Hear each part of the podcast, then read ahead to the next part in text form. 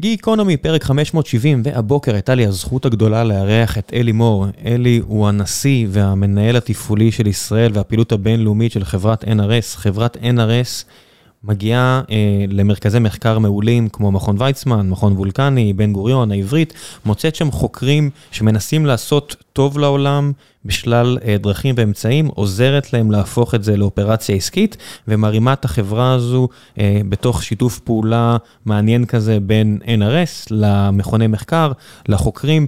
אז ישבנו ודיברנו אה, פחות על NRS עצמה ויותר על החברות ש-NRS עזרה להקים פה בארץ, חברות מדהימות של חוקרים מדהימים שעושים דברים כל כך מעניינים ומרגשים ומסקרנים, אני בטוח, אני לא מאמין, אני בטוח שיהיה לכם מעניין להאזין לפרק הזה ולשמוע על הדברים הטובים שיוצאים אה, ממכוני המחקר הישראלים, ואני גם מנסה אה, להביא לפרקים מלאים את החוקרים השונים שדיברנו עליהם פה בפרק. אחד מהם, אה, פרופסור מזרחי, אה, בוודאות אני מנסה אה, לשכנע אותו כבר ב... מניח חודשים הקרובים שיגיע, וכל השאר לאט לאט בשנה הקרובה. תשאירו תגובות, תשלחו הודעות אם חלק מהנושאים האלה היו מעניינים יותר או מעניינים פחות. לי האישית היה כיף גדול גדול להקליט את הפרק הזה עם מישהו כל כך רהוט ומשכיל, שיודע גם לדברר את המסר בצורה כל כך טובה. מקווה שגם לכם יהיה כיף. ועכשיו, גיקונומי 570, תהנו.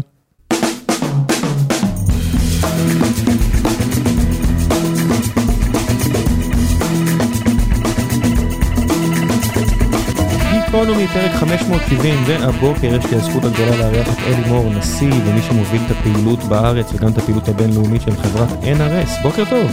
בוקר טוב.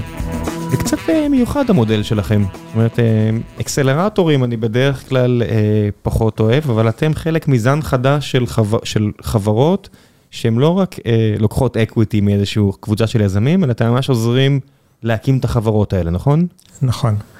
NRS חברה אמריקאית, אימפקט NRS, הפעילות שלה המרכזית באה ובאה למעשה לטפל בעולמות הקיימות ולמצוא פתרונות לבעיות גדולות בעולם הקיימות.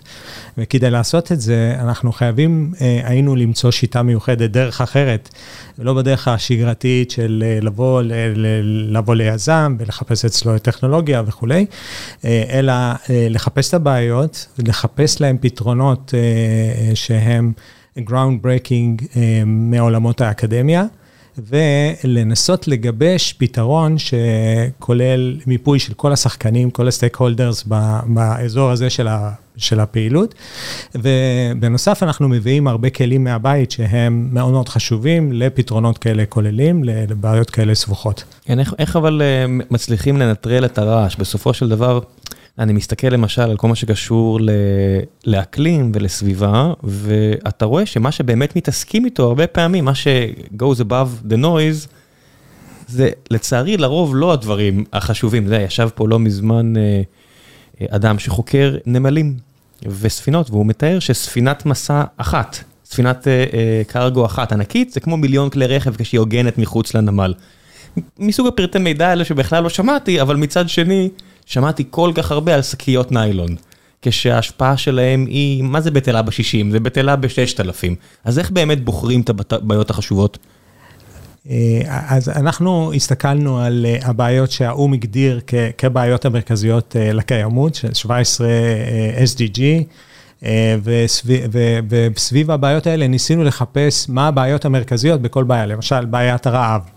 זה הבעיה המרכזית היום בעולם, איך מאכילים את האוכלוסייה של העולם שהולכת וגדלה ותגיע ב-2050 אולי מעבר ל-10 מיליארד.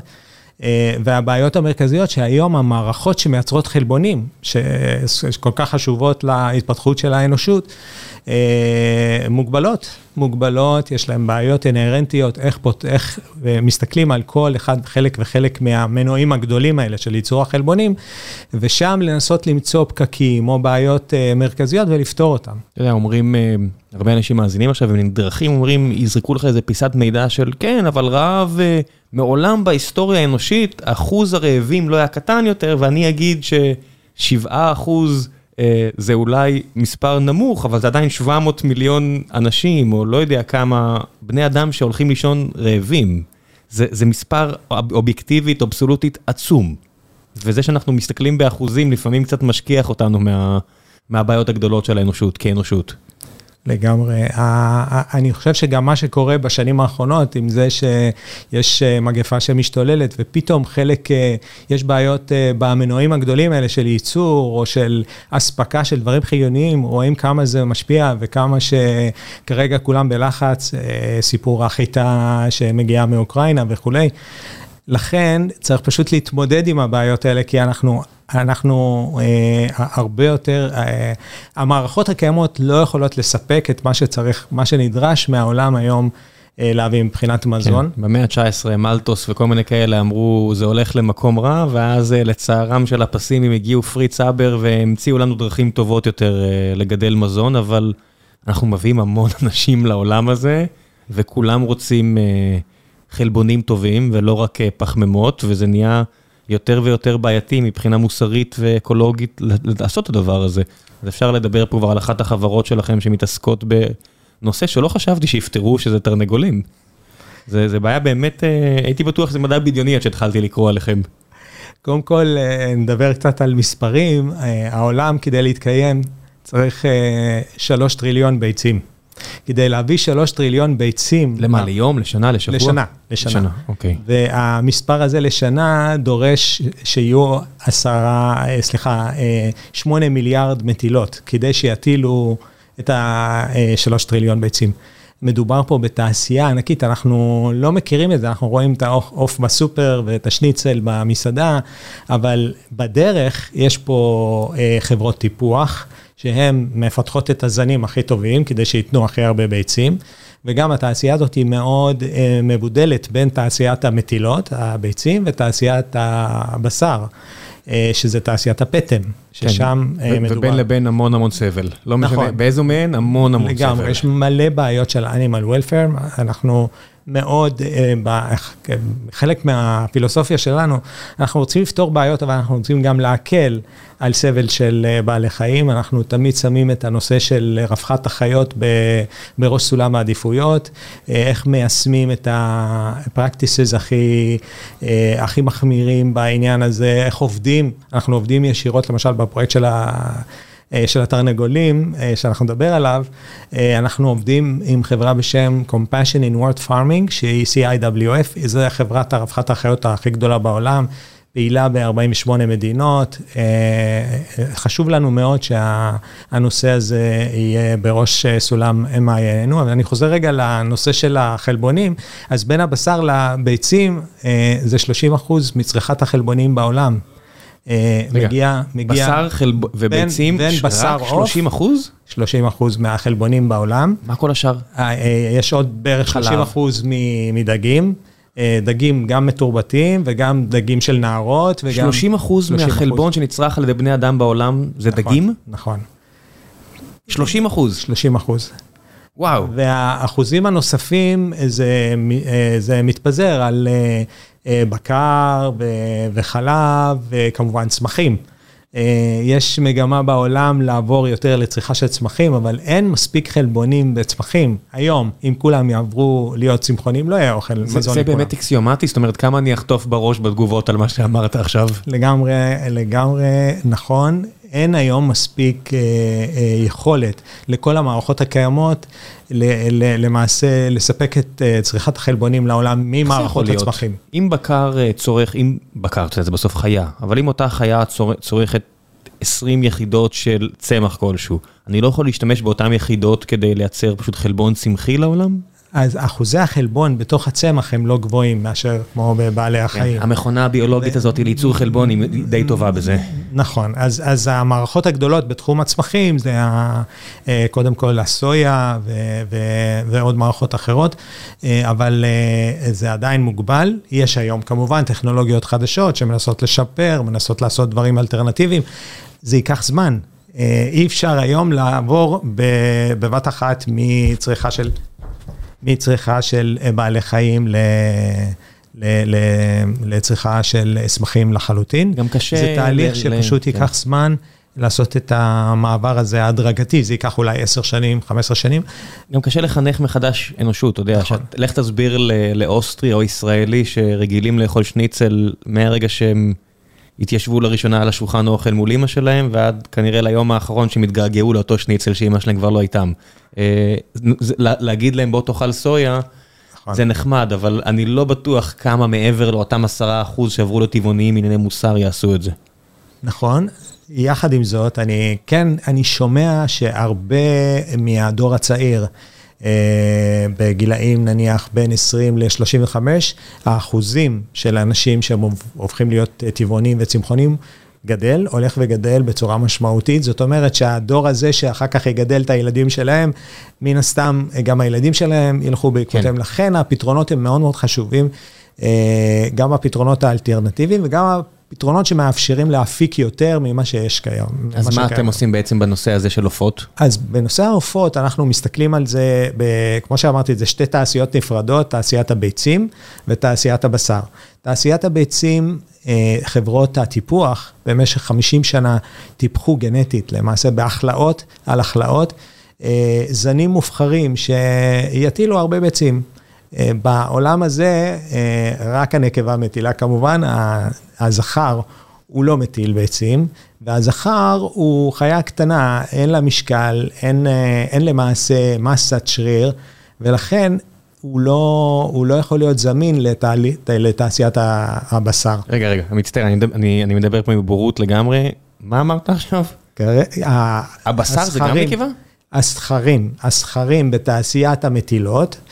הם למעשה יוזלס לתעשייה, אין אין שימוש בהם, לכן... כי זה תרנגול אחר לגמרי, השניצל מגיע, מצטער על האכזריות והבורות, אבל השניצל מגיע מסוג אחר לגמרי של תרנגול? נכון, לגמרי, לגמרי זה תרנגולים ותרנגולות מטיפוח אחר לגמרי, ששם אה, הם גדלים מהר, הם אוכלים הרבה, והם גדלים מהר, מגיעים למשקל של בין 3 ל-4 קילו, ביחסית מהר בין 35 ל-40 יום, 45 ימים, ואז לוקחים אותם לשחיטה ולתעשיית הבשר.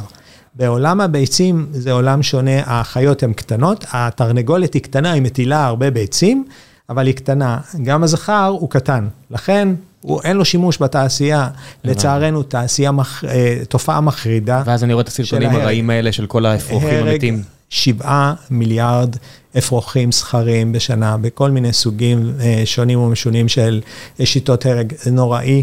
זאת, זאת התופעה המחרידה ביותר בעולם הזה. הרבה אנשים לא מודעים לזה, המודעות הגיעה בשנים האחרונות, ואנחנו באים, ודרך אגב, גם הנושא הזה עולה מדי פעם, יש תמונות ביוטיוב וכולי שמפרסמים כל מיני ארגוני רווחת חיות. למעשה עד היום לא נמצא פתרון. יש המון חברות שטוענות שיש להן פתרון. יש, הפתרון הוא מסובך כי מי שמנסה למצוא את הפתרון מנסה לאתר את הזכר בתוך הביצה עוד לפני שהוא בוקע, כדי שלא יצטרכו להרוג אותו. הבעיה שמבחינה ביולוגית, העובר בתוך הביצה קשה מאוד לזהות אם זה זכר או נקבה. יש שתי חברות בעולם שעושות את זה, אבל בתהליכים מאוד מורכבים ויקרים, חברה בהולנד וחברה בגרמניה, והפתרון הוא לא מעשי. אנחנו באנו עם פתרון, קודם כל ראינו את הבעיה הזאת, חיפשנו פתרונות, מצאנו במכון וולקני מחקר וחוקר מוכשר ביותר, בשם דוקטור יובל צינמון, והרעיון שלו היה למעשה שלא יהיו זכרים. ואיך גורמים לזה שלא יהיו זכרים, שלא יפקעו זכרים. למעשה זה, זה מחקר יישומי שמשתמש בכלים מאוד מתקדמים בעולמות העריכה הגנומית, והפתרון הזה, אנחנו מיישמים אותו על דורות קודמים, על, ו, ולמעשה הפועל היוצא שלו זה שיפקעו רק נקבות. הזכרים יפסיקו להתפתח בשלבים ראשונים, ביותר. בשעות הראשונות אחרי שהמין נקבע שזה זכר, אנחנו חושפים את הביצים לאור בצבע כחול, ופיתחנו מערכת שנקראת אופטוגנית, למעשה היא, היא מפעילה גן שהוא מפסיק את ההתפתחות של הזכר. בד בבד עם זה, הנקבה נשארת אותה נקבה wild type שפותחה במשך עשרות השנים בחברת הטיפוח. זה למעשה מאפשר שלא יהיה צורך להרוג את הזכרים. זה מעניין פה, אתה יודע. למעשה, הפסקת ההתפתחות היא ברמה של 100 אלף תאים ראשונים, שזה נקודה קטנה, אם מסתכלים על הביצה, נקודה קטנה בתוך הביצה. האדם המוסרי היהודי יגיד שמהמסורת שלו, נשמע פתרון לסבל, המדען הנוצרי יגיד, לא פתרתם כלום, אבל כיוון שאנחנו מדברים פה על חברה שיצאה ממכון וולקני ברחובות, אני אסכים שנפתרה הבעיה. בסופו של דבר, מה אנחנו סופרים בתור סבל או הכרה? אני מקווה שכולנו נסכים שצביר של 100 אלף תאים לפני שהתפתח בכלל, נחסך פה כל הסבל. נכון, אין למעשה הרגשת כאב או משהו כזה, הסבל אפילו הוגדר במחוקקים באירופה בעיקר, בגרמניה ובצרפת. למעשה אוסרים החל מסוף שנת 23 את נושא ההרג של האפרוחים הזכרים. מה? וכן, זה יהיה מחוץ לחוק. החברות... אז מה הם מתכננים לעשות אם לא אתם? גם הפתרון שלנו הוא פתרון מאוד מורכב, כי צריך להכיל אותו על דורות שלמים של כל מיני זנים וסוגים. זה לא יספיק לשנה הבאה. זה ייקח שנים, זה ייקח שנים ליישם את הטכנולוגיה. אז מה הולך לקרות באירופה שנה הבאה? אז מה שיהיה, פשוט יצטרכו החברות, ברגע ש... ואנחנו נמצאים כרגע במשא ומתן עם שחקן גדול, אנחנו לא יכולים למסור את שמו, אבל הפתרון למעשה הוא כרגע נבחן טכנולוגית, ואנחנו על סף חתימה של הסכם. אבל מה הם יעשו עד שאתם תגיעו? והם פשוט ייגשו למחוקק הגרמני, ופשוט יראו שיש פתרון, שכבר התחילו ליישם אותו, ולוקח זמן, ובקשו הערכה. למעשה, מה. אוקיי, ותחת ההנחה שאתם לא עושים מה שאתם עושים ואין NRS, מה אותן חברות היו עושות? מה, מתחילות פשוט לייבא את זה ממדינות אחרות שבהן אין את הרגולציה הזו? בדיוק, בדיוק כך. בגרמניה למעשה כבר עכשיו 30% מהתעשייה כבר ברכה, נסגרה. עברה לטורקיה ודנמרק. כן, כן, או פשוט קונים מהולנד כרגע, אבל זה רק עניין של זמן שגם האיחוד האירופי יישר קו עם גרמניה וצרפת. הפתרון הוא חייב להיות פתרון לבעיה הערכית הזאת. תשמע, זה די מעניין, הנטייה הזו של האיחוד האירופי להשתמש בכוח שלו, בסופו של דבר הוא מייצג כמות צרכנים כמו ארצות הברית. זה כמות עצומה ועשירה ואחידה גם יחסית, אז אתה יודע, הם עושים את זה עכשיו עם... נושא שהוא הפוך ב-180 מעלות או רחוק, עם מטענים. זאת אומרת, הם הולכים להכריח את כל חברות הלפטופים והטלפונים, לעבור למטען אחיד ואחוד, לא רק USB-C, לעניות דעתי גם המטען של הלפטופ יצטרך להיות אחיד, וכולם מגרדים את הראש, ואין ברירה. האיחוד האירופי זה שוק גדול מדי מכדי שהם יגידו, אז תעשו בלעדינו. אף אחד לא יכול להגיד לאיחוד האירופי, תעשו בלעדינו. זה כיף לראות את ההתנגשות הזו בין מוסר לכלכלה. לגמרי, לגמרי, למרות שזה מוסד פוליטי לחלוטין, ויש שם הרבה פוליטיקה. זה עדיין החלטה מוסרית, אבל... בדיוק, ההחלטה הזאת היא משהו שכל הזמן אמרנו, איך לא חשבו על זה עד עכשיו? למה ממשיכים להתעלל בנו, כאילו, כי אנחנו כצרכנים. אז הם לא עושים את זה נטו מ... גם הם עושים את זה מאותם מניעים כמו שהמניעים ש-NRS נוסדה, בסופו של דבר זה החלטה, לפחות מה שאני קראתי, ורק הבוקר שלח לי ידידי גיא רולניק איזשהו טקסט שמתעסק עם זה. הם, הגושפנקה המוסרית שלהם זה להוריד את כמות הזיהום האלקטרוני. בסופו של דבר הנחת המוצא היא שלכולנו יש המון כבלים שאנחנו לא צריכים, היה לכם אייפון, עברתם לאנדרואיד, נתקעת, יש לכם עכשיו המון כבלים שאפשר לזרוק, לפטופים של מחשבים. הסטנדרטיזציה אמורה לעזור מאוד, ושוב, יצעקו שוב כל האנשים מהצד השני הכלכלי, ומשחיזים עכשיו את התגובות שלהם כנגד מה שאמרתי, אבל מה לעשות, לא רוצים, אל תמכרו לאיחוד האירופי. זה עולם, שוק חופשי זה גם לצד השני. לגמרי, אז באמת אני אמשיך לנושא של האיחוד האירופי, הסיכון בפרויקט הזה שאנחנו לקחנו, אנחנו השקענו בחברה, למעשה בטכנולוגיה הזאת, בהסכם. חתמנו הסכם עם מכון וולקני בתחילת 2017 ונכנסנו למשא ומתן, ראינו מספר טכנולוגיות והחלטנו שזאת ההשקעה הראשונה שלנו, התחלנו בשנת 2018, גיבשנו חברה, ולמעשה אנחנו מנהלים את הפרויקט במעבדות של מכון וולקני, ואנחנו בונים את כל מה שצריך מסביב. של מי ה-IP? ה-IP הוא של מדינת ישראל, וולקני הוא מכון ממשלתי, אבל לנו יש לייסנס, למעשה רישיון, להשתמש ב-IP, שהוא uh, perpetual license, uh, זה רישיון... מתמשך. מתמשך, שלנו יש את הרישיון להמשיך לפתח, לשווק, למסחר את מה שצריך. זה מגיע? פחותים? ובסופו של דבר, uh, כולם מרוויחים פה, כי החברה היא joint venture בינינו, היא מיזם משותף בינינו לבין מכון וולקני. האקוויטי מתחלק, לא בצורה שווה כמובן, כי אנחנו מנהלים את החברה ומפתחים אותה ומשקיעים, אבל כולם מרוויחים בסופו של דבר, קודם כל רווחת החיות, שנית, גם העולם, עולם הקיימות, כי הפתרון הזה לא רק פותר את הסבל, אלא גם בצורה מדהימה הוא כמעט מכפיל את, את תשומות הייצור. לא תשומות הייצור, אמצעי הייצור, כי למעשה אמצעי הייצור הכי יקר בעולם הזה של הביצים הוא החממה. הוא המדגרה, סליחה, המדגרה, 21 יום הביצים צריכים להיות במדגרה, בטמפרטורה של 37 מעלות, תחשוב רגע על כל האנרגיה שדרושה, ובסופו של דבר היום, במה שקיים, זה 50 אחוז מהביצים הופכים, בוקעים מהם זכרים והם משמידים אותם. אז למעשה 50 אחוז מהתפוסה הייתה לגמרי אה, לא לצורך. כן, אני מניח ש... בפתרון שלנו, למעשה אנחנו נוכל להוציא את ה... לזהות את הביצים שלא התפתחו, שזה הזכרים, להוציא אותם ביום השלישי, ואז למעשה אנחנו כמעט מכפילים את שטח הייצור. זאת אומרת, אנחנו גם עוזרים לנושא של Sustainable Food Production, שזה אחד הדברים החשובים מבחינתנו, המערכות הקיימות יוכלו לייצר יותר חלבונים. אני מניח שגם האור הזה שאתם משתמשים בו, הוא גם צורך אנרגיה, אז אני לא יודע אם זה נט פוזיטיב או לא. נכון, אבל זה עדיין, זה לד, לד פשוט, זה אין מה להשוות בכלל לכמויות החום שצריכות להתפלט. מה הרגולציה מעל? בסופו של דבר זה מזון, וזה לא רק מזון, זה גם מזון מן החי, ומזון מן החי, אתה יודע, כולם יודעים להגיד סלמונלה וכל מיני דברים אחרים. איזה רגולציה עומדת מול דבר כזה? שאלה מצוינת, הרגולציה פה היא הכי, הכי גבוהה שיש, היא, היא כמו... ביצים. היא למעשה רגולציה של מזון. כן. אז באירופה זה EFSA, ובארה"ב זה FDA, כן.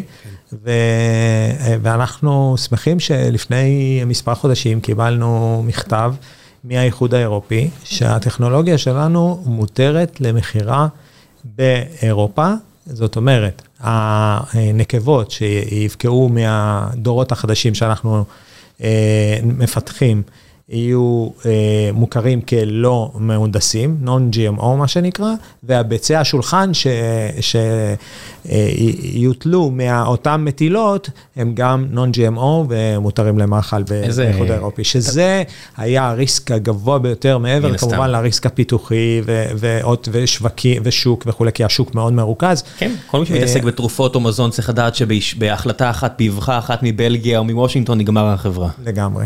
אבל זה, זה מדהים איך, אתה יודע, אתה אומר את זה non-GMO, על נושא שהוא, אתה יודע, אותה תרנגולת כבר 50, 60, 70 שנה, מטפחים אותה גנטית, כמו כל מזון שאנחנו אוכלים מעגבניה או תפוח אדמה, גם אותה תרנגולת ממש רחוקה מאיך שהיא נראתה פעם, פעם, פעם, כי בני אדם התערבו בגנטית, אבל יש מדבקה של non-GMO. זה כל השטויות השיווקיות האלה שאנחנו מוכרים לעצמנו כמו אורגני, שחקלאים שומעים את זה ומגלגלים עיניים. לגמרי. אבל זה מה יש, אתה יודע, מכון וולקני עשה כל כך הרבה טוב לעולם, לא רק לישראל, אבל צריך להצמיד כל מיני מדבקות כדי uh, שאנשים יקבלו את זה. לגמרי, כן. מכון וולקני במשך שנים למעשה חילק המון המון דברים אה, בחינם לרווחת חקלאי ישראל, והרבה פעמים בגלל כל מיני החלטות מדיניות, לעזור לכל מיני מדינות כדי שיוכלו לעזור לנו באו"ם כן. ובמקומות אחרים, אבל שלאחרונה, בשנים האחרונות יש הרבה יותר מגמה כן למסחר טכנולוגיות ולהתעסק ב... בעיות כבדות מאוד אה, בעולם. כל הכבוד, כי בסופו של דבר אתה מסתכל על מכון ויצמן, שלפרקים היה, אני חושב, מהרווחיים בעולם יחסית לגודלו, והם מבינים את זה. אתה לא יכול להתבסס רק על כך שפוליטיקאים יזרקו אליך כסף. אם אתה לא ססטיינבילי, וססטיינביליות זה לא רק האקלים, זה נכון. גם כלכלה. גם כלכלית. וכל כך חבל, יש פה, אתה יודע, אני רוצה שיהיה יותר ביולוגים. ביולוגים רוצים מקום שהם לא צריכים לברוח לפוסט דוקטורט בבוסטון. כי אין פה כסף למעבדה. ואין סיבה לא למסחר את זה, זה לא... אנשים נבהלים מהמילה מסחור, כמו מאש, כמו עם ה-GMO, זה הכל שטויות שהם הגיעו איתם מהבית הרבה פעמים. ועוד בטח, אתה יודע, כמו עסקים כאלה ש... כן, אני בטוח שיש, אתה יודע, חלקים מסחרים שהם פחות כיפים למדען. אז מה? אתה יודע מה פחות כיף? שאין מעבדה בכלל, זה הרבה פחות כיף נראה לי. בסופו של דבר, אני חושב שמדענים, אה, כמובן שהסקרנות האינטלקטואלית זה הדבר הכי מעניין מבחינתם, אבל היום אתה רואה הרבה יותר בגרות ובשלות בזה שגם מדענים רוצים לראות את, ה, אה, את המדע האפליקטיבי. זה משהו שאפשר אה, לעזור לאנושות ולקדם כל מיני דברים ולפתור בעיות. המוסדות האקדמיים הרבה יותר, האקדמיים הרבה יותר נרתמים למטרות הגדולות. איך היה לשכנע אותם בתור התחלה? הרי מכון וולקני זה לא ויצמן, זה לא הטכניון, זה לא תל אביב, זה לא באר שבע שיש להם מחלקת, מחלקה מסחרית. אני לא מכיר יותר מדי יציאות מסחריות ממכון וולקני, איך היה לעבוד איתם בהתחלה? נכון, אז כמו שאמרתי, מכון וולקני זה מכון מאוד ותיק, לדעתי מעל 100 שנה. שנות ה-20-30, משהו כזה. מעל 100 שנה. והמון טכנולוגיות עשו משם, לדוגמה, עגבניות השרי, שכולם נהנים מהם בכל העולם. הפיתוח הכי מפורסם. הפיתוח הכי מפורסם. אם אני לא טועה, גם נושא ההשקיה של נטפים בטפטוף, לדעתי זה היה גם כן מבית היוצר של מכון וולקני. מכון וולקני לדעתי ראה את מה שנעשה במוסדות האקדמיים האחרים, כמו שאמרת, מכון ויצמן, הטכניון, האוניברסיטה העברית שלמעשה עושים מאות מיליוני דולרים בשנה מרויאלטיז ממסחורים, והם הגיעו למסקנה שלהם יש מדע לא פחות מפותח, ושהם גם צריכים לעלות על העגלה הזאת. זה היה מאוד קשה, המשא ומתן לקח כמעט שנה. אבל יש רצון טוב, ובסופו של דבר ההסכם נחתם, חתמנו הסכם מסגרת, שמאפשר לנו למעשה להסתכל על טכנולוגיות בעולמות הכי מתקדמים בתחום האגרו-ביו, שזה עולמות העריכה הגנומית. ועולמות המייקרוביום, שזה עוד פרויקט אחד מאוד מעניין. אז תכף נגיע לזה גם, כן, בוא נדבר תכף על קקי. ועוד מלא pipeline, למעשה יש לנו pipeline מאוד עשיר של פרויקטים נוספים שנמצאים בכל מיני שלבים של בחינות. תגיד לי, למה אבל, שאלה קצת ערכית, אתה יודע, לוקל פטריוטית, למה לכל הרוחות זה בגרמניה ולא בלולים מסביב לרחובות? זאת אומרת, אני יודע שיש... מנהלי לולים שמאזינים לנו עכשיו, בוודאות, חלק הזדהו בשמם. למה הם, למה אף אחד לא מכריח אותם או מסבסד להם את השיפור הזה? אני, אני אסביר, התעשייה הזאת היא, היא משונה בצורה, זה, זה קשה מאוד להאמין, היא מאוד מרוכזת. אם אני אלך אחורה כמה שנים, נניח עשר שנים אחורה, מונסנטו בשלב מסוים החזיקה כמעט 90 אחוז מעולמות הטיפוח של זרעים בעולם. וגם אותו דבר בתעשיות האלה שהן רחוקות קצת מהמעקב של, של כל רשתות התקשורת וכולי, ונוצר מצב ששלוש חברות בעולם של הביצים, של טיפוח ביצים, שולטות בכל השוק. יש להם 90 אחוז מהשוק. וכל העולם קונה מהם. כל הלולנים, בסופו של דבר, קונים את הזנים המטופחים מחברות הטיפוח. לכן... אתה חייב להסביר לי זה, אני לא מצליח להבין. אוקיי, זרעים אני יכול להבין, צריך לקנות ממונסנטו זרעים, הזרעים ככה הם מהונדסים שהם לא... אתה לא, אתה לא יכול להיות סלף סוסטיין, אתה חייב כל הזמן לקנות זרעים חדשים. כל שנה, אותו דבר פה. מה קורה פה? למעשה כל שנה, לולן שרוצה לגדל, ישראל זה קצת מקרה שונה, כי אנחנו קונים את ההורים של המטילות, אבל בכל מקום קונים מטילות. זאת אומרת, החקלאי, שנמצא באריזונה ורוצה להתעסק בתעשיית הביצים, הוא פונה לחברת הטיפוח וקונה ממנה למעשה את, את המטילות. ומגדל אותם, ואחר כך כמובן מטפח, מפיק את הביצים. הם לא יודעים להתרבות? לא, לא, אז כדי להיות חברת טיפוח אתה צריך השקעה אדירה מאוד בגנטיקה. להחזיק גנטיקאים, להחזיק מתקנים, ולמעשה הם, הם כל הזמן מפתחים את זה קדימה ליותר ביצים בשנה. אם אנחנו נסתכל 25 שנה אחורה, הפיקו אז ממטילה 200 ביצים, היה, היום אנחנו מדברים על 340 ביצים בשנה. זה הכי מטופח, הזנים הכי מטופחים. וכמובן, זו תעשייה שצריכה לספק... איכות הביצה ירדה? אני באמת לא יודע. זו שאלה פוליטית. כן, אני באמת לא יודע. טוב, בוא לא נק... אבל, אבל החלבונים דרושים, מה עושים בכל הסוגי ביצים העיקריים יותר? אתה יודע, יש אנשים שרוצים להשקיט את מצפונם כמוני, והם קונים את המארז ביצים שעולה עוד 7 שקלים או עוד 10 שקלים, ורשום ביצי חופש, רשום כל מיני דברים כאלו, מה זה בעצם? אז, אז אלו זנים שלמעשה מגדלים אותם מחוץ לכלובים. זה התחיל בארצות הברית, וחלק מסוים לא, לא מבוטל מהתעשייה עבר לזה, זה... למעשה מאפשר לחיה להיות יותר ברווחה בזמן שהיא צריכה להטיל, ולא להיות סגורה בתוך כלוב. יש מגמה... זה אמיתי? זה באמת יותר נחמד להם? אני, אני מניח שזה יותר נחמד להיות uh, משוחרר ולהסתובב לא, בתוך שטח באמת, גדול כן. ולא במקום קטן, אני, אה, באמת קשה, זה שאלה לארגוני רווחת חיות. וזה, והפתרון שלכם אפליקטיבי או רלוונטי גם ללולנים האלה? לכולם, לכולם. למעשה אנחנו פותרים את זה ברמת החברות הטיפוח, שזה למעלה, אלה היושבים בראש השרשרת, והם מוכרים, למעשה מזינים את כל הלולנים בעולם. וכמה זמן ה-IP שלכם מחזיק? 20 שנה? 20 שנה, כן. שהתחלתם אותו ב-2018? אה, למעשה התחיל לפני, כי חלק מזה נרשם אה, בזמן שוולקני, אה, הפרויקט היה פרויקט פיתוח, אנחנו אבל מרשימים, ממשיכים לרשום עוד פטנטים. יש לנו מספר פטנטים, אנחנו רושמים את זה בהרבה מדינות, זה עולה הון, הון תועפות, כמו שאתה יודע. אה, אנחנו רושמים את זה ב-18 מדינות, אה, אבל אה, זה חלק בלתי, בלתי נפרד מכל התעשייה הזאת. עד כמה מעניין אתכם השווקים באסיה? מאוד מעניינים. איך זה לעבוד מולם? זאת אומרת, איך נראה כל העולם? אז עוד פעם, היופי פה בדבר הזה, היופי במרכאות, שאנחנו לא צריכים לעבוד מול השווקים הבודדים, כל אחד בנפרד, אנחנו עובדים מול חברות הטיפוח. אותן שלוש חברות גם שולטות בסין ובטיוואן? בכל העולם, בכל העולם. שלוש חברות אה, שולטות בכל העולם, 90 אחוז משוק הביצים בעולם. וואו, טוב, סקרנת אותי מספיק כדי שאני אמצא אורח שידבר רק על הדבר הזה, אבל אני לא מצליח, איך יכול להיות? זה מטורף. זה מטורף. אחד השחקנים יש לו 52 אה, אחוז. וזה חברה בינלאומית, אז כל אה, חוקי המונופול לא חלים עליהם? אה, רוב החברות האלה הן חברות פרטיות. כן, טוב, מן הסתם, כן. בגדלים כאלה. טוב, בוא, בוא נלך שנייה אחורה כן. למה שאמרת. אמרת שהגעת למכון וולקני, וזיהיתם שם גם מחקרים מעניינים בנוגע למייקרוביום.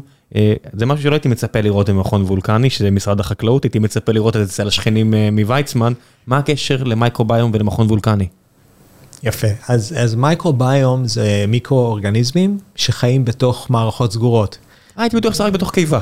זה יכול להיות בתוך קיבה, זה יכול להיות בתוך ביצה, אה, זה יכול אוקיי. להיות בתוך האדמה, וזה נמצאים בתוך מקום שנקרא הוסט שיכול להכיל אותם, ומסתבר שהפרות ומעלה גרה באופן כללי, יש להם מנגנון עיכול שונה לגמרי מאשר אנחנו, בעלי, מאשר האנשים ובעלי חיים אחרים, למשל חזירים.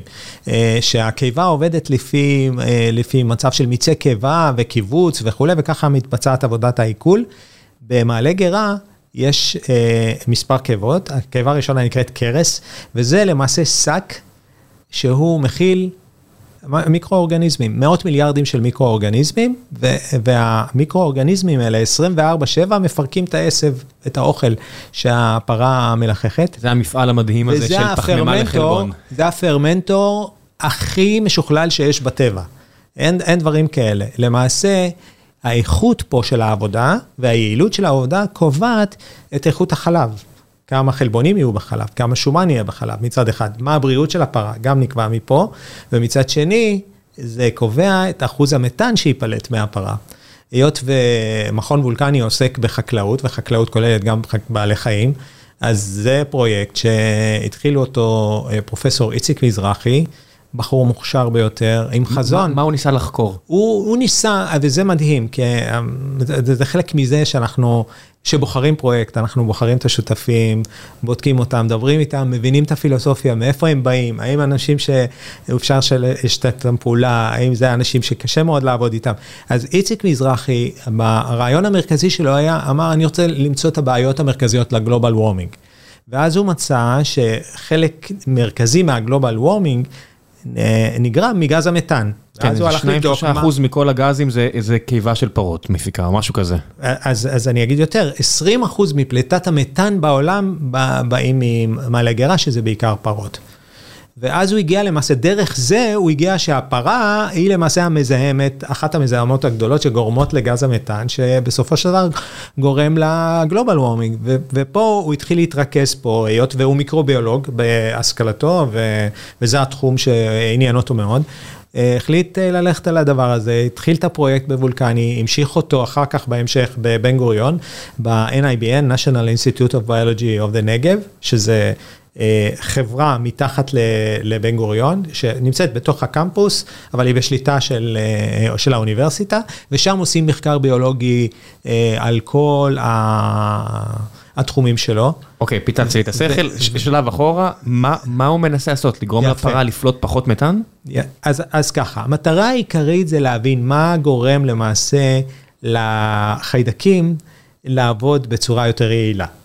והוא בסופו של דבר, הדבר החשוב ביותר, הוא מצא קשר בין הרכב המיקרוביום, שזה הרבה סוגים של מיקרואורגניזמים, בין הקשר בין ההרכב שלהם לבין היעילות של העבודה שלהם. זאת אומרת, האם, קודם כל למצוא אם הפרה היא יעילה בייצור חלב. אם היא לא יעילה, אז מן הסתם היא תפלוט הרבה מתאן. אם היא יעילה, זה משחק של 1 או 0. אה, כל האנרגיה העצורה אה, ש, שנמצאת למעשה במה שנוצר מעבודת התסיסה וההתססה של, של המיקרואורגניזמים, בסופו של דבר היא תהפוך למטאבוליטים, והמטאבוליטים יהפכו בהמשך לחלבונים. אז או שזה יהפוך לחלבונים, או שזה יהפוך למתאן. והרעיון המרכזי זה, קודם כל אני רוצה להבין את יחסי הגומלים בין כל המרכיבים פה. ו, ומה התפקיד של כל מיקרואורגניזם בכוח, בכל הכוח הזה, ובסופו של דבר לנסות להשפיע ולעשות את העבודה שלהם יותר יעילה. ברגע שהעבודה תהיה יותר יעילה, יהיה לנו ייצור יותר טוב של חלבונים, בריאות יותר טובה, איכות יותר טובה של החלב, ופחות מתאן. זה, זה מחקר שהוא ייחודי, זה נשמע לי מסוג הדברים האלה שהוא חשב עליהם, ורק אמור, כולם אמרו לו, לך תחקור משהו אחר. זה, זה מדהים, ואני חושב שההכרה הגדולה ביותר זה מהאיחוד האירופי, האיחוד האירופי תמך בפרויקט הזה, ולא מזמן בגרנט מאוד מכובד, אולי אחד הגדולים שניתנו בישראל. לחוקר ישראלי, אה, כשבבריסל למעשה אישרו מענק כזה, כזה רציני. אה, מסיבות פוליטיות אומר, יש סיבות שזה לא טריוויאלי. זה בדיוק, בדיוק. כן. ואנחנו מאוד אה, אוהבים את הפרויקט הזה, אנחנו היינו במשא ומתן ארוך ומתיש פה, ובאמצע שנת 21 חתמנו על ההסכם. המורכבות שלו, בגלל שזה כלל גם את וולקני וגם את בן גוריון. אה, אבל מצד שני, יצאנו לדרך ו... כשמה המטרה? מה, מה, מי, מי הולך לשלם בסוף על הדבר הזה? המטרה בסופו של דבר זה לפתח מספר מוצרים. קודם כל מוצר מדידה, אין היום אה, שום מדידה מדויקת של מתאן. אנחנו רוצים למעשה ש...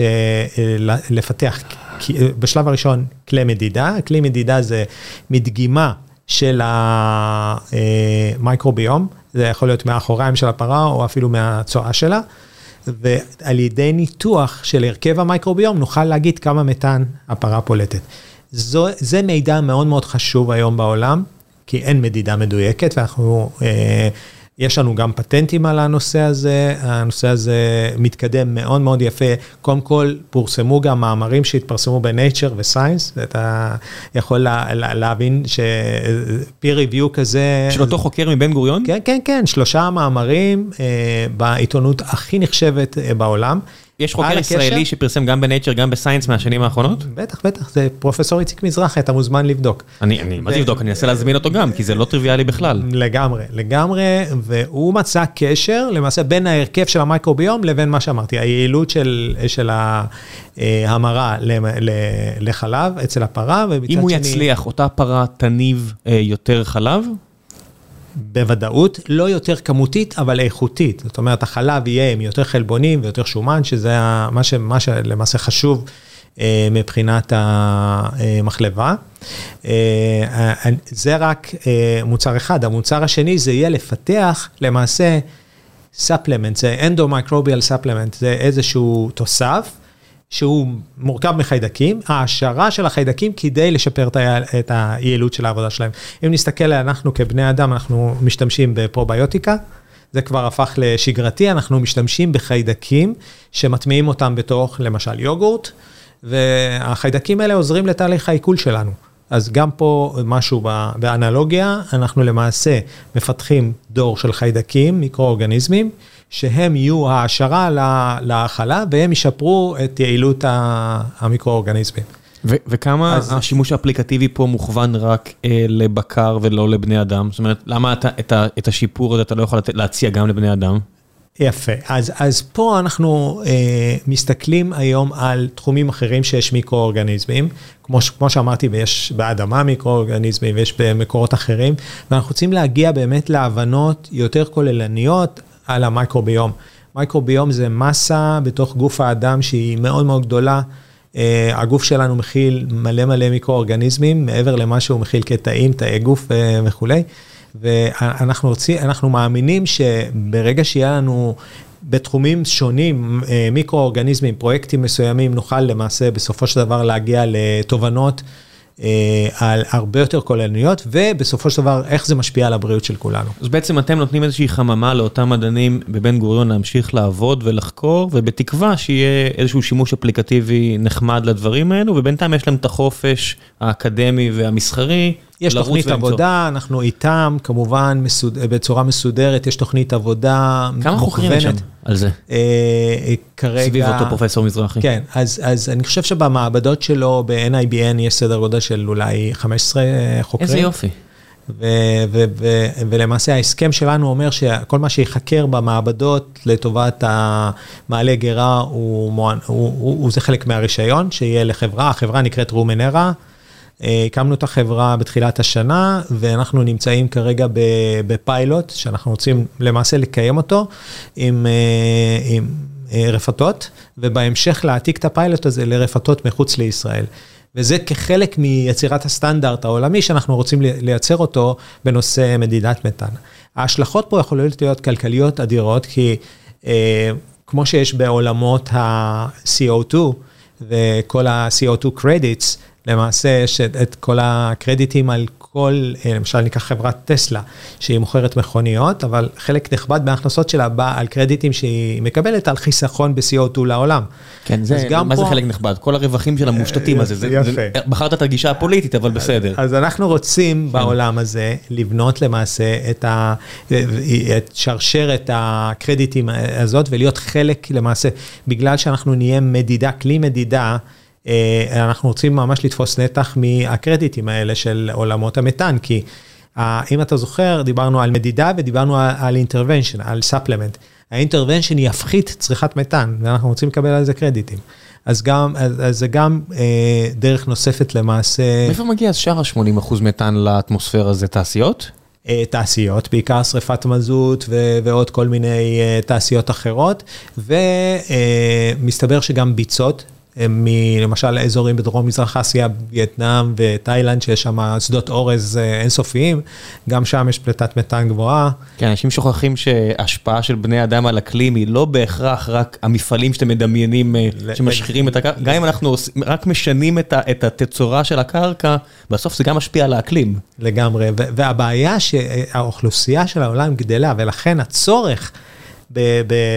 למשל באורז, הצורך הוא עולה כל הזמן, הוא גדל, זה הופך לי הרבה יותר תעשייתי. השדות אורז האלה של וייטנאם, זה לא נתפס עד שאתה לא מבקר שם, ואתה ני דיפ, אתה עם הברך בתוך השדות האלה, וזה לא נגמר, אז כתייר זה מאוד יפה. אבל פתאום נופלת לך הכרה שכל מה שהעין רואה זה רק שדה אורז אחד ענק. בדיוק. אבל יש פה השלכות... כן. גם זה, וגם מבחינות אחרות, גם זה נראה הכי טבעי והכי זה, אבל זה מזהם. מה טבעי? גם אין שום דבר טבעי. אתה יודע, אתה מסתכל על ארץ ישראל, 150 שנה אחורה, זה לא נראה כך. צר לי לנפץ פה אשליות פוליטיות כאלה ואחרות, זה לא היה כך. הכל היה שונה. היער ליד אוניברסיטת בן גוריון, יער יתיר, לא היה שם.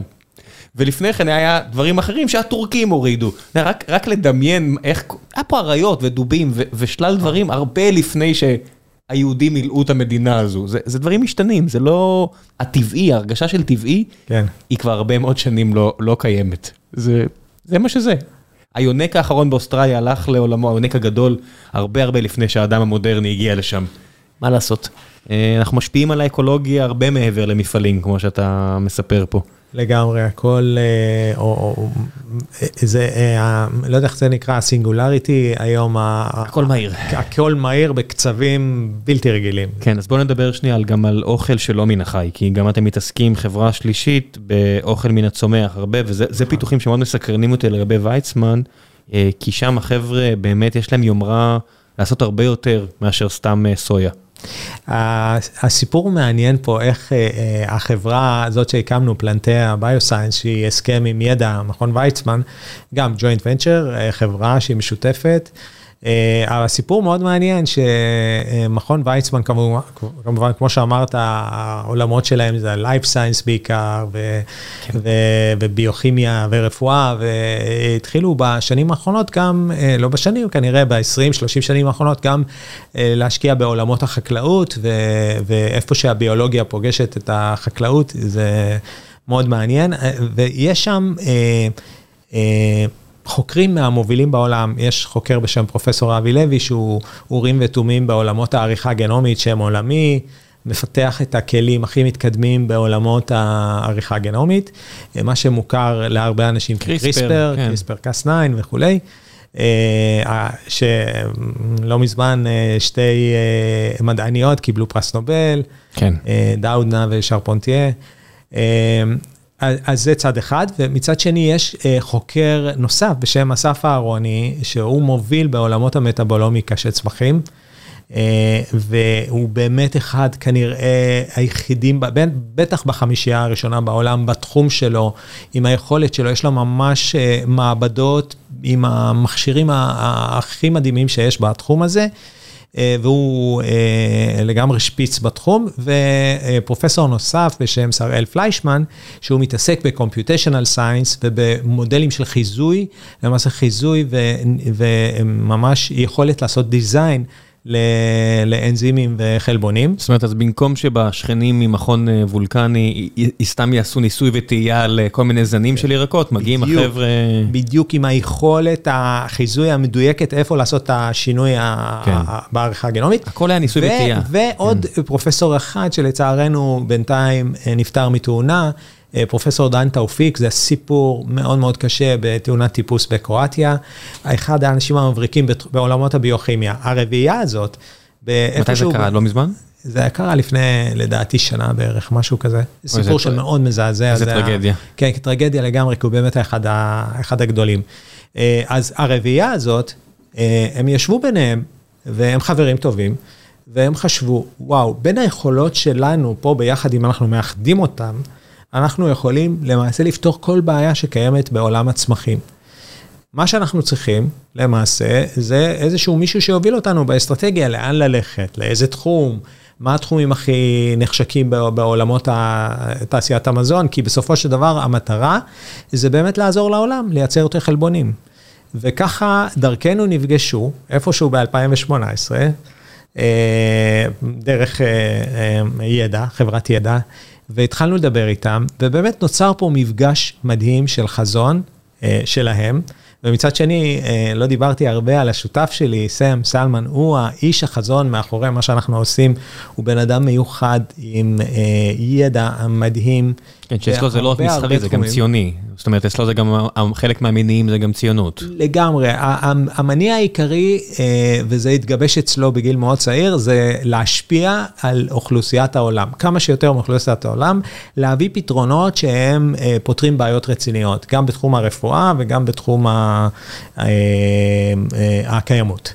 ו- וככה המפגש שלנו עם סם, יחד איתם, אה, התחיל ב-2018, 2019 ו-2020, משא ומתן אה, ארוך ו- וקשה עם ידע, וחתמנו בנובמבר 20, החברה יצאה לדרך בתחילת 21. ההסכם היא מול אה, מכון ויצמן או מול האנשים הספציפיים? למי יש לא, אקוויטי בחברה? אז, אז מכון ויצמן יש לו את חברת ידע, שהיא חברת המסחור. שם יש את כל האנשים שלמעשה התפקיד שלהם זה לקחת את הטכנולוגיות ולמסחר אותם. כן, אבל בסוף שה... החברה זה אותם ארבע מוחות שלצערנו נשארו שלוש, או שלושה נכון. מוחות. אז, אה... אז, אז הם שותפים. אוקיי. אה, הם שותפים בתוך החברה. אה, הם גם חלק מהתמורות שיגיעו לידע, למעשה חלק מהם לפי החוקים שלהם, של ידע, מגיעים גם ל... יופי, אז יש, יש להם את האינטרס יש שלהם. יש להם אינטרס לגמרי, הם מרגישים שותפים, ו... ויחד איתנו כרגע אה, מובילים מספר מהפכים בעולם הזה. אה, הרעיון הוא... כמו שאמרתי, צמחים הם הרבה יותר נחשקים כרגע, ויש מגמה לעבור ליותר אוכל מבוסס צמחים. הרעיון הוא אה, וכמו שאמרתי לך קודם, אה, כמות החלבונים שיכולה לצאת מצמחים היא מוגבלת. הרעיון הוא מצד אחד להגביר, ש, ש, שאותם צרכים שאני צורך שיהיה בהם יותר nutritional value, ערך תזונתי מצד אחד, ומצד שני גם ערך בריאותי. היום אנחנו מחפשים דברים הרבה יותר בריאים מעבר למה שהיה לפני עשרות שנים, אנחנו יותר מודעים לתזונה שלנו, אנחנו רוצים לקבל חלק מהדברים שהם עוזרים לבריאות הלב, לכל העולמות של האנטי-אוקסידנטים. אה, והעולמות האחרים שלמעשה מסייעים לגוף ולמערכת החיסון של הגוף. אנחנו רוצים לקבל את זה, hopefully, בתוך הצמח. אז אה, למעשה, מה שהיום היכולות בתוך פלנטיה, זה לקחת אה, צמח מסוים, שהוא מאוד נצרך ומאוד חשוב, ואותו להוסיף, למעשה לנסות להגביר את הערכים הבריאותיים. בהתאם למה שאנחנו ראינו, מה, איזה מערכות יכולות לעבוד, אה, מערכות של צמחים יכולות לעבוד עם מערכות הגוף. עם מה התחלתם? עם מה הם התחילו? אה, אז, אז יש לנו פרויקט מאוד מעניין בתחום העגבניות, יש לנו פרויקט מעניין בתחום תפוחי אדמה, בתחום החסה, אה, וגם פרויקטים נוספים של טיפול בעצים לצורך הפחתת CO2. אני מכיר שזה, שחסה זה בדיוק הסיפור ההפוך, לא? שפעם חסה הייתה הרבה יותר עשירה אה, מבחינה קלורית, ועם השנים הזן היחידי שנשאר זה הזן אייסברג שהכי קל וזול לפתח אותו בגלל הצרכים המסחריים, נשארנו עם חסה די ענייה קלורית. אז אתם בעצם רוצים להחזיר את הגלגל אחורה? אנחנו לא, אנחנו בחסה, אנחנו רוצים להגביר את הערכים הבריאותיים, אה, קודם כל להגביר את ה fiber. אה, יש סיבים, אנחנו רוצים להגביר את הסיבים כי זה בריא. אחד, ושתיים, יש אה, חומר שנקרא אינולין בתוך החסה שהוא עוזר לבריאות הלב, ואנחנו רוצים להגביר אותו גם. ובעגבנייה אנחנו רוצים להגביר את החומרים הבריאים, יש ליקופן, יש אה, אנטי אוקסידנטים, אנחנו חושבים על אה, עולמות הפיטוסטרולים, זה למעשה חומרים כימיים בתוך הצמח שיכולים להפחית ממש את הכולסטרול. זה לא תחרות ישירה עם מונסנטו? זה לא בדיוק מה שהם מנסים לעשות, ליצור זנים מוצלחים יותר של צמחים? אה, מונסנטו אה, יותר בעולם של אה, שרידות הצמח, עמידות למחלות ודברים כאלה, אנחנו יותר בלהעמיס עליו יותר ערך בריאותי וערך תזונתי. רגע, אז יש לנו... אני חייב להבין, בסופו של דבר הצמח זה מכונה משוכללת של הטבע שלוקחת מינרלים, מים, שמש, זאת אומרת קרקע, מה שיש בקרקע, שמש, מים. והופכת את זה לחומרים שאנחנו מסוג... שמישהו מסוגל לצרוך, חיה, בן אדם והכל. מה זה הקסם הזה שאתם יפה. הופכים את המכונה הזאת למשוכללת יותר? מה קורה בעצם? אז, אז הנה, הזכרת אתה באמת את המים ואת הקרקע וכולי, ואנחנו יודעים שהיום האדמה, יש מושג שנקרא stressful agriculture, האדמה כבר עצבנית, מרוב שמגדלים עליה כל הזמן ללא הפסקה, אין לה מינרלים יותר. כן, לקחו את המינרלים. אין יותר מינרלים ויש מחסור במים. כן. אז חלק ממה שאנחנו מפתחים זה שלמעשה נצטרך פחות מים ופחות אדמה. אז, אה, אה, מה שדיברתי למשל על העגבנייה, והחסה וכולי, אנחנו רוצים לגדל אותם לא באדמה, אנחנו רוצים לגדל אותם ממש בחקלאות ורטיקלית. אני, שזה אני... פיתוח אה, שישנה את העולם לגמרי, כי הוא יחסוך מים ויחסוך שטחי אדמה ויחסוך המון CO2 בטרנספורטיישן.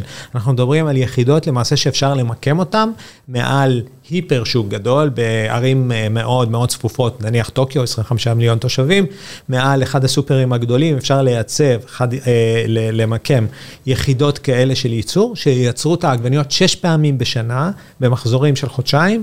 ולמעשה את כל התוצרת ישירות לתוך הסופר, לחסוך את כל התיווך מסביב, לחסוך את כל ה transportation שנדרש, וכמובן לחסוך מים. מי שחושב שזה science fiction, או סליחה, מדע בדיוני, מוזמן, אה, בדיוק המלצתי פה לא מזמן על טיול שנקרא Easy Rider עמק האלה של אה, חברה טובה, ואתה נוסע שם על הכלים המגניבים על ה Easy Rider, ומגיע אה, לחממות שם מסביב, וזה פעם ראשונה שאני ראיתי, ממש לאחרונה, את הגידול הוורטיקלי הזה של עגבניות.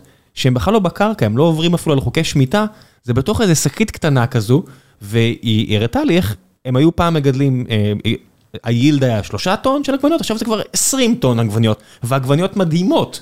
זאת אומרת, והכל בתוך שקיות כאלה, אז אני ממש יכול לדמיין את מה שאתה אומר, כן. שזה יהיה בדיוק מעל הסופרים בטוקיו.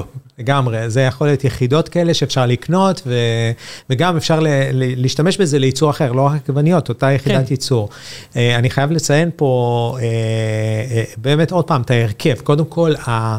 יש את הכיסוי הזה, המטריה המדעית הזאת של שלושת הפרופסורים המופלאים האלה ממכון ויצמן, ומצד שני יש לנו מנהל הפיתוח שלנו, עוד פעם, אחד ה... אה, למעשה, אה, שגדל על, אה, אצל אחד מהפרופסורים, אצל פרופסור אבי לוי, אה, דוקטור אה, אייל עמנואל. שבתפקידים הקודמים שלו עשה דברים מדהימים, כולל אה, מדען ראשי בחברות וכולי, אני לא רוצה לציין שמות, אה, אבל הוא היום אה, בהרמוניה מוחלטת עם, עם כל הפרופסורים האלה ו- וכל הדיסציפלינות שהן שונות, וזה עוד פעם, זאת, היחיד, זאת החשיבה של, אה, של NRS, אנחנו תמיד חושבים איך להיות disruptive ואיך לשנות את מה שיש כרגע, אה, כי נורא קשה להטמיע שינויים. כדי להטמיע שינויים, אתה צריך להראות לא רק שאתה מייצר פה אה, עגבנייה עם הרבה יותר ערך בריאותי, אתה חייב להראות מודל כלכלי מאוד מאוד חזק, כי קשה מאוד לשכנע אה, את החברות ליישם את השינויים. כן, אי אפשר לחנך מחדש, ישב פה לגמרי. בתחילת השבוע, בגלל זה שמחתי שהפרקים ככה היו צמודים, אביב וולף שמוביל את רימילק, והוא אמר, אם אנחנו לא נצליח לעשות חלב שזול בצורה ניכרת מחלב רגיל, לא נצליח בחיים לנצח שם. זאת אומרת, האתגר שלהם הוא ממש, תוך איקס שנים, להגיע לחלב שהוא יותר זול מחלב של פרה, אחרת זה פשוט לא יעבוד. נורא קשה לשנות מומנטום ו- וקיבעונות של אנשים. על מה אתם עוד מסתכלים? זאת אומרת, כמה, חברת NRS, כמה יכולת יש לה? כמה חברות אתם יכולים לתמוך? בכמה חברות אתם יכולים לתמוך? כן, כרגע יש לנו את שלושת החברות כן. האלה, פלוס חברה נוספת, אה, גם אה, אה, זה מחקר משותף עם מכון וולקני בנושא המדיקל קנאביס. וכרגע אנחנו נמצאים בסגירה של עסקה נוספת עם מכון וולקני בנושא סנסורים, bio-sensor, bio-electro-chemical sensors, ליישומים של גילוי פתוגנים בתעשיית המים, קודם כל במים ובמזון, ב real time. כלומר, פה אנחנו מדברים על ממש אה, לשנות את הפרדיגמה הקיימת היום, שלא עושים בדיקות מיקרוביאליות, שולחים אותם למעבדות, מחכים, עושים תרביות, מחכים לגדילה של מושבות, ואחר כך סופרים. אה, פה מדובר על לגמרי שינוי גישה לחלוטין, וגם בעולם הרפואה, אה, לא דיברנו בכלל על miR Scientific בארצות הברית, שזה גם חברה גם Impact שלכם? NRS, גם חברה שלנו. שמה הם עושים? שם אנחנו עושים דיאגנוסטיקה מאוד מדויקת לסרטן הערמונית, אה, ופותרים בעיה מאוד גדולה שקיימת 30 שנה כבר בעולם, שאין דיאגנוסטיקה מדויקת, ולכן כל המערכת היא מקולקלת, היא גורמת ל- בסופו של דבר להרבה סבל ו- וה- והרבה שימוש בביופסיה שלא לצורך. שלא לדבר על כל ה false positive ים, לגמרי, ואנחנו מדברים על בדיקת שתן.